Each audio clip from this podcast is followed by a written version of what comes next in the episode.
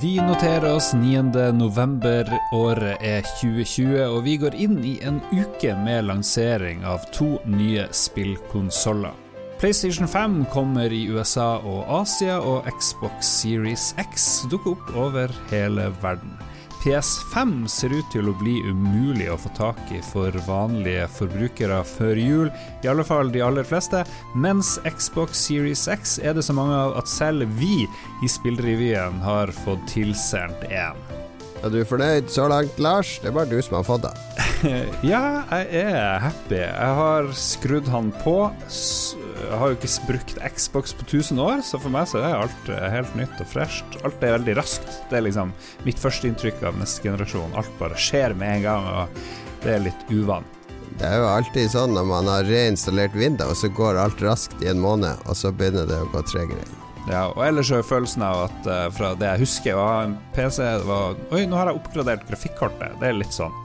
Og vil du vite litt mer om hvordan det er å ha en flunkende ny eh, PlayStation 5 eller Xbox X i stua, så foreslår jeg at du hører forrige episode av Spillerevyen, hvor Erik Fossum fra Pressfire var med og fortalte alt om hvordan det er å ha en ny maskin i stua i en ukes tid, som han nå har hatt det. Mass Effect-trilogien gjenutgis våren 2021. Mass Effect Legendary Edition skal inneholde oppussa versjoner av tre opprinnelige Mass Effect-spill, der Commander Shepherd forsøker å redde universet fra en utenomjordisk trussel. Det er BioWare, de opprinnelige skaperne av spilltrilogien, som står bak denne oppussa utgaven, Jon Cato, og i tillegg så røper de at et nytt spill i serien er på vei. og ja vel, eh, hadde du lyst på noe sånt her? Vi husker jo hvordan Andromeda eh, var. Det var ikke så mange som digga det. Mange vil ofte ha nøyaktig det samme som de fikk opprinnelig, bare helt nytt samtidig. Og så er det veldig, det er veldig, veldig vanskelig for en utvikler å klare å holde det innenfor forventningsramme, og samtidig sprenge forventningsrammene i en positiv retning. Jeg delte denne nyheten på Lolboa Entourage, vårt eget eh, forum for både Spillrevyen og andre lyttere. Og Der var det noen som sa kan ikke utviklerne heller fokusere på noe helt nytt i stedet for å lage noe gammelt, men eh, inkludert meg sjøl er jo interessert i å få en, en oppfriska versjon av en klassiker, Eh, men jeg skjønner sånn at du er ikke helt i den campen der. Ja, men dette har du prøvd å spille Mass Effect-spillene på din nye Xbox uh, Series X. Oh. De skal være bakoverkompatibelt, så jeg skjønner ikke helt hva du skal med de nye versjonene, hvis det bare er snakk om oppgraderte teksturer og litt sånn der uh, eh, quality of life improvements, så syns jeg jo heller at ja. du kunne fokusert på noe helt nytt. Jo, jeg skjønner det synet der, men uh, folk vil ha nye Star Wars-filmer. Det er jo populære ting. Det er jo bare remastera egentlig av de gamle filmene. Det er jo nesten det samme som folk så før i tida. Men eh, vi husker jo Mass Effect 3, veldig kontroversiell slutt. Tror du den vil bli endra på?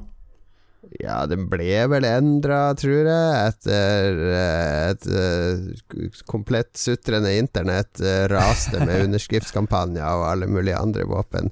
De klarer Nei, det var jo mange Altså, jeg syns jo hele Mass Effect 3 var en fiasko, fordi okay. de to første er oppbygging av eh, en episk historie, så var det tredje kun å nøste opp alle gjenværende tråder.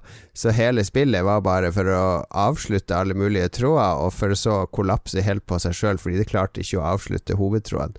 Så det, det er jo sånn derre eh, det er jo det vanskeligste, enten du lager film eller skriver bok eller hva som helst, det er jo å avslutte noe. Uh, det er jo veldig mange, både forfattere og filmskapere og TV-serieskapere, som sliter med akkurat den fasen. Å bygge opp er enkelt, men å avslutte er vanskelig. Hva du tenker om selskapet BioWare? De virker å kollapse litt. De er jo mest kjent nå i det siste for det her eh, Anthem, som jo var en etter alle solemerker en, en flopp, eh, i hvert fall i forhold til ambisjonene fra selskapet? Ja, det skjedde noe der når de to grunnleggerne, Ray Muska og Greg Sesjuk, eller hva de heter Det var de to som grunnla det ja. eh, på slutten av 90-tallet. Når de to forsvant, så skjedde det noe i BioWare. Det skjedde egentlig før det òg, fordi BioWare åpna en sånn eh, Austin, eller Texas-avdeling. Det var de som lagde Star Wars Online-rollespillet. Eh, Kotor Online. Uh, så det, det mista litt fokus uh, før det. Anthem er litt sånn er det verken fugl eller fisk. Nå har de jo gjort mye for å prøve å berge det, men jeg skjønner ikke hvem som skal vende tilbake til det spillet med tanke på alt mulig annet man har å spille nå. Ja. Så han Casey Hudson, det er vel han som styrer mye der nå, og det var han som sto bak Mass Effect 2, husker jeg. Uh, var sterkt involvert i det første òg. Så han er litt sånn old school, så hvis han har fått litt mer sånn styringsmakt der, så tror jeg kanskje at BioWare muligens kan finne tilbake til gammel storhet. Til slutt, Commander Shepherd, enten kvinnelig eller eh, mannlig, var jo hovedrolleinnehaveren i de tre første Mass. Tror du denne skikkelsen vil dukke opp igjen når eh, serien vekkes til live? Jeg tror vel at de bør bevege seg videre fra Commander Shepherd, kanskje fordi Shepherd og den opprinnelige trilogien er jo uløselig, eller tett knytta sammen. Uh, men jeg er litt usikker på hva de skal gjøre. Kanskje, kanskje man kan ta inspirasjon fra Mandalorian, som vel er noe av det mer originale og frie i, i Star Wars-universet og bare lage noe som er helt på sida. Man trenger ikke alltid å redde universet. Altså det, det, blir litt sånn slitsomt å alltid måtte ha hele universets skjebne eh, i hendene. Ha små, intime historier. Det vil jeg ha fra Mass Effect-universet. Sega kutter 650 stillinger og reduserer sine lederlønninger pga. covid-19. Selv om eh, spillbruk generelt har gått opp eh, når folk holder seg hjemme, så har Sega flere avdelinger som lider under pandemien. Blant annet så har avdelinger som driver med pachinko, sånne japanske gamblingmaskiner, og animasjonsavdelinga har tapt masse penger grunnet stengte arkadehaller og få oppdrag fra filmbransjen. Sega driver også feriesteder som har vært stengt eh, i det siste. I dag er det rundt 9000 mennesker som jobber i Sega. Og de feira vel Hvilket jubileum var det de hadde nylig? Det har jeg glemt uh, nøyaktig. Ja, det husker ikke jeg heller. De ble jo starta Det er jo litt morsomt, fordi Sega ble jo starta på 50-tallet, var det vel? Eh, på Hawaii. Så det var opprinnelig et amerikansk eh, selskap. Det het jo eh, Service Games opprinnelig. Så, så, ble det gradvis japansk etter hvert. Så, så, de har jo vært med veldig lenge. Det, det, som er litt morsomt nå, jeg visste jo ikke at de var så Eller at de hadde så mange forskjellige forretninger og sånn som så de, mm. de, driver med. Uh, de er litt sånn som Nintendo var på 60-tallet, rett og slett. Fordi da var jo Nintendo Hadde jo taxitjeneste og hoteller og lagde leketøy og var involvert i veldig mange ulike typer forretninger. Ja nå jeg googla kjapt her. Sega Master System fyller 35 år. Det var ikke sånn eh, selskapet som hadde, hadde, jubileum. Ok, Sega driver på med veldig mye mer enn eh, spill. Hvis selskapet nå skulle, skulle, virkelig være i trøbbel, det, det, er jo litt trist, for det har vel betydd mye i, i historien. Ja, I spillhistorien så var det jo Sega var det eneste som tok opp konkurransen med Nintendo gjennom ti år, cirka.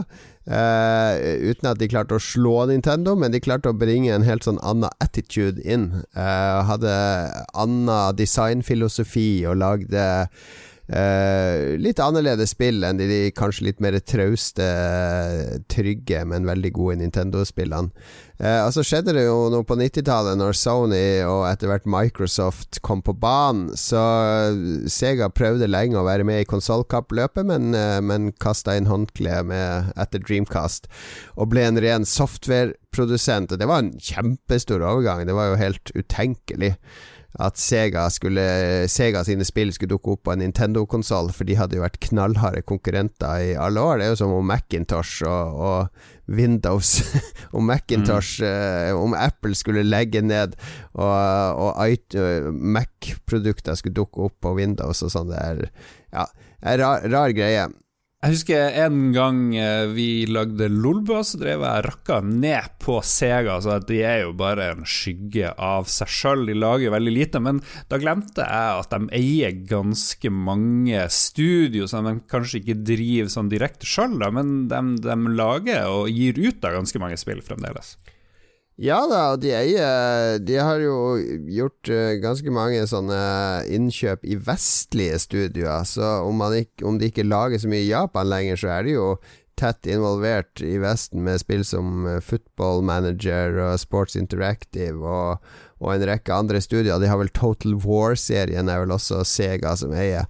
Eh, ja. Så de har uh, noen viktige vestlige studioer som de eier, og akkurat disse tror jeg ikke de taper så mye penger på. Dette tror jeg er, eh, er spesielt nå under pandemien en forretning som går godt. Men så er det jo Jeg som jobber på Akersmik, jeg vet jo at det spiller ingen rolle hvor mye penger spilleavdelinga tjener, eller postordreavdelinga tjener, som vel var to av de som gikk ganske bra på Akersmik, så lenge CD-avdelinga spiser opp hele det overskuddet i en sånn nedadgående spiral. Take Two er i dialog med Codemasters om å kjøpe den britiske utvikleren kjent for sine mange racingspill. GamesIndustry.biz forteller at Codemasters har informert sine aksjonærer om det mulige oppkjøpet, og styret i Codemasters har sagt at de vil anbefale aksjonærene om å slå til på et tilbud om oppkjøp fra Take Two. Men eh, for de som ikke vet det, hvem er Take Two, eh, Jon Cato? Take Two er jo en av disse store kjempene sammen med EA og Ubisoft og andre som har mange studioer, og som gir ut en portefølje av eh, kostbare og velproduserte spill. Uh, Take Two har jo under sin paraply kanskje mest kjent er jo Rockstar, selvfølgelig, med Grand Theft Auto og Red Dead Redemption. Uh, men de har jo også spill som Civilization, Bioshock, XCOM, Eh, NBA-serien, eh, Gearbox Software og Borderlands-serien og, og Mafia-spillene er jo alle eh, spill som er under Take Two-paraplyen. Så ved å kjøpe Codemasters så vil de jo få umiddelbart en av de aller, aller beste racingspillutviklerne, og da kunne dominere i racingspillsjangeren i tillegg. Ja, hva er det med Take Two og racingspill, egentlig? Take Two og Rockstar og for så vidt har jo hatt racingspill før, Midnight Run og, og, andre ting, som kanskje ikke har klart å hevde seg helt. Eh, men Coldmasters har jo De har Formel 1-spillene, er jo de som lager hvert år, og så har de Dirt. Dirt 5 kommer vel ut nå i disse dager. Eh, så, så, de har De er sånn 100% spesialisert på akkurat racing. I hver episode så ser vi på spillutgivelsene denne uka, Jon Cato, og det begynner virkelig å røre på seg nå her i høstmørket. Ja, nå er jo kanskje den største spillanseringsuka ever eh, i 2020, fordi eh, Vanligvis så plukker jeg én eller to eh, spill som ser spennende ut, men nå kommer det veldig mye denne uka her. Her er det bare å eh, låse lommeboka inn i en safe, for dette ja. kan bli dyrt. Hva er, hva er, det største spillet her? Jeg ser at Call of Duty Black Ops Cold War er på lista, og det er kanskje det som vil selge mest her, altså? Eller? Ja, det og Assassin's Creed Valhalla kommer jo begge denne uka. Call of Duty Black Ops Cold War er jo den årlige Call of Duty-utgivelsen, og Call of Duty har jo fått veldig fornya liv det siste året. Eh, men det er nesten utelukkende pga. Warzone, som ja. var denne til, gratis tilleggspakken som kom i Kom vel rett før, eller midt under, rett før korona. Så det var en sånn perfekt timing. Alle skulle sitte hjemme, så kommer det en sånn gratis uh, Battle Royale-spill til Call of Duty. Ja, og det spiller ble... jo fremdeles. Ja, jeg spiller det fremdeles. Men det er litt sånn uh, Black Ops Cold War er et helt nytt spill som foregår under den kalde krigen. Så sånn som jeg skjønte, så kommer Warzone til å foregå parallelt med det, altså være separat fra det, og så vil det komme en sånn oppgradering til Warzone på nyåret en gang. Mm. For de vil gjerne ha fokus på det som er nytt i Black Ops og kampanjen og den vanlige multiplayer-modusen fram til da. Ja. Uh, og jeg liker det jo umiddelbart, fordi det der med at det skal foregå den kalde krigen Jeg, Jeg var jo på uh, Bylarm i Oslo tidligere i år, og der var jo han musikklisensieringssjefen til Activision var jo innom for et, en paneldebatt. Uh, og Da fortalte han uh, hva han holdt på med akkurat nå. Jo, han drev og lette etter popmusikk fra eh, 70-tallet. Østeuropeisk popmusikk fra 70-tallet. Fordi tydeligvis så lagde de en level i Berlin eller Øst-Berlin eller, eller, noe sånt, mm. og de skulle ha tidsriktig popmusikk på en radio i en bar. Eh, så hele denne kalde krigen-vinklinga, den, den, gjør at jeg faktisk for første gang på mange år har lyst til å spille kampanjedelen av et Call of Duty-spill. Ja, nei, Det er stor forskjell nå fra da alle førstepersonskytespillene skulle skje under andre verdenskrig. Det var liksom det store. Men jeg tenkte på en ting. Eh, suksessen til Warzone, er det noe som kan liksom hindre Black Ops og Cold War-utgaven? Folk har liksom nok. Den er for bra, den her eh, versjonen som du allerede spiller hele tida. Ja, det er jo derfor de ikke vil fokusere på det før etter jul. Fordi de vil at Black Ops skal stå på egne ben først. Og så, når folk begynner å gå lei av Black Ops, eh, den vanlige multiplayeren, altså vi snakker deathmatch og, og Capture the Flag og de her tradisjonelle små kartene, så kommer de med et helt nytt kart til uh, Warzone og liksom Black Ops-kartet. Uh, og da da, da, får de enda lengre hale på spillet. Så det, det, er en grunn til at de ikke bare pøser på med alt med en gang. Det er for å liksom spre det utover. All right. Lista er lang, vi får bare gå videre. Jeg ser Bugsnacks òg er på tur ut. Ja, det er en av de artige eh, demoene, eller videoene, fra sommerens mange spillarrang digitale spillarrangement. Det er et PlayStation 4, PlayStation 5 og PC-spill fra en utvikler som heter Young Horses. Uh, der man er en reporter, tror jeg, så det her er jo oppi din gate. Du er jo uh, journalist. Uh, det, er, det, er, de som lagde Octodad, så du er en reporter som skal til en øy full av rare dyr som driver og spiser frukter og muterer og sånn, så vidt jeg har skjønt. Det ser veldig sjarmerende ut. Og så vet jeg at det er veldig mange som gleder seg til Demon Souls-remasteren, eller remaken er det vel egentlig, som er helt bygd opp fra bunnen av. Fra de her, er det Bluepoint, er det de som lager det? Og de er jo kjent for å lage sånn kjempegode eh, remastere av eh, Eller remakes av spillene de tar for seg. De er spesialister på det, og det er veldig synd at veldig mange gleder seg til det, for det er veldig få som får spille det. For det er jo faktisk eh, ett av to PlayStation 5-eksklusive spill som ikke kommer til PlayStation 4 eller andre andre steder. Så da må man nok smøre seg med tålmodighet om man ikke var en av de kjempeheldige som kjøpte PlayStation 5 for et år siden, og nå får den på lanseringsdato. Et annet spill som eh, egentlig har, Jeg har ikke tenkt å spille det, men jeg tenkte vi måtte ta det med. For det første PlayStation 5-spillet som ble kunngjort, var jo et spill som heter Godfall. Eh, ja. Som eh, ser ut som noen sånn blanding av Assassin's Creed og God of War. Det er et studio som heter Counterplay Games, som har laga, som ikke har noe som helst erfaring med den type spill før. Og så er det Gearbox som gir det ut. Uh, det kjører med Unreal Engine og kommer til PlayStation og Windows, og jeg har vel jeg har vel liten tro på at det skal slå an. Ser veldig sånn der uh, generisk og, og, litt traust ut, men uh, vi får se. Det er jo et neste generasjonsspill, for det er et av de som ikke kommer til PlayStation 4.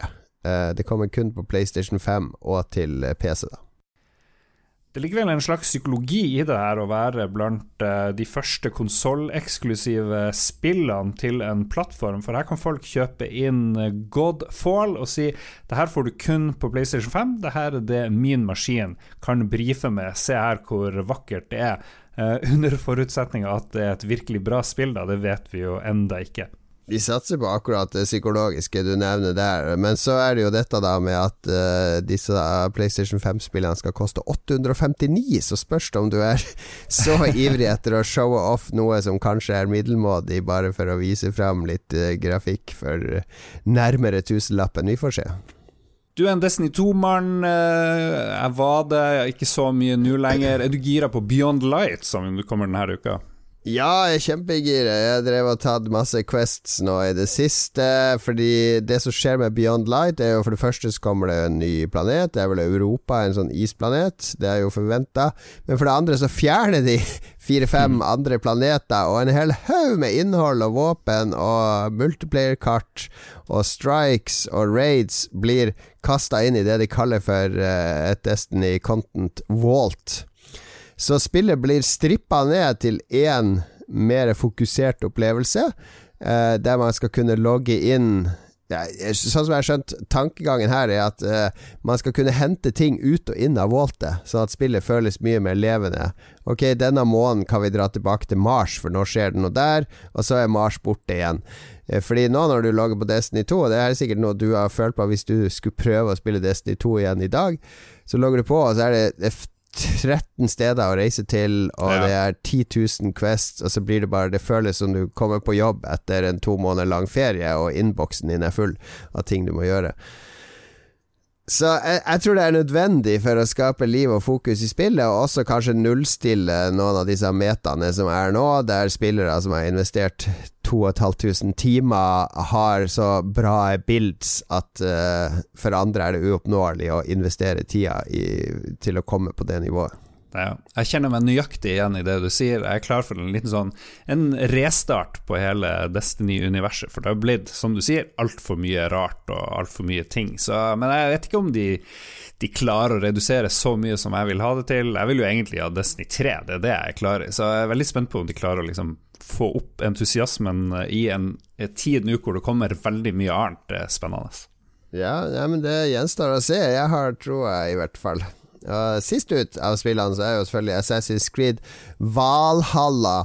Uh, der alle norske både spillmedier og vanlige medier er i ekstase og har tatt med seg lusekofte til Ubisoft i Canada for å, å, prøve å dytte de på utviklerne. Fordi takk, takk for at dere lager et spill der Norge får lov å være med. Vi blir, vi blir alltid så takknemlige og ydmyke når Norge blir nevnt, blir vi ikke det, Lars? Jo da, jeg fyrte opp Grid 5 her om dagen, faktisk, og da var Henningsvær en av de første banene jeg fikk kjøre på, og ble varm i hjertet. Uh, jeg er ikke noe Assassin's Creed-mann. Jeg har begynt på mange Assassin's Creed-spill, men jeg faller alltid av veldig fort. Uh, det, det, er ikke helt uh, min greie, men kanskje du skal bli viking i vinter? I hvert fall nå som du har en splitter ny Xbox. Jo da, jeg har installert Assassin's Creed Valhalla på maskin, men eh, jeg får ikke lov å starte det før spillet kommer ut, så vi får se om jeg klarer å lure meg inn på forhånd. Men eh, jeg gleder meg faktisk denne gangen til å spille et nytt Assassin's Creed, spesielt siden det er litt lusekofte involvert her. Flott. Det kommer andre spill òg denne uka, men dette er det vi anser som det viktigste. Og så håper vi eh, at alle våre lyttere får en fin eh, spilluke, uavhengig av om de får tak i eh, PlayStation 5 som kommer neste uke i Norge, eller en Xbox. Vi hører gjerne fra lytterne, gjør vi ikke det, Lars? Absolutt. Og hvis, bidra, hvis lytterne har lyst til å bidra til produksjon av Spillrevyen, så må dere gjerne gjøre det på patrion.com slash lolbua, for vi lager både Lolbua, Spillrevyen, og så er vi også sjefer, eh, dessverre, for Ragequit, en helt eh, infernalsk eh, gal podkast som nå feirer 20 episoder i forrige uke. Og det, hvis du tør, og hvis du vil ha noe annerledes, hvis du vil ha podkast uten hemninger, så sjekker du ut dem. Og så kan vi jo si at vi samarbeider med Pressfire. Gå på pressfire.no og les også andre norske spillmedier, for det trenger vi her i Norge. Og eh, Pressfire kan du òg støtte, sånn som oss på Patrion. Og det var det vi rakk, Jon Cato. Eh, har du noen gode råd for hva folk skal gjøre frem til neste mandag? Stay safe, Guardians.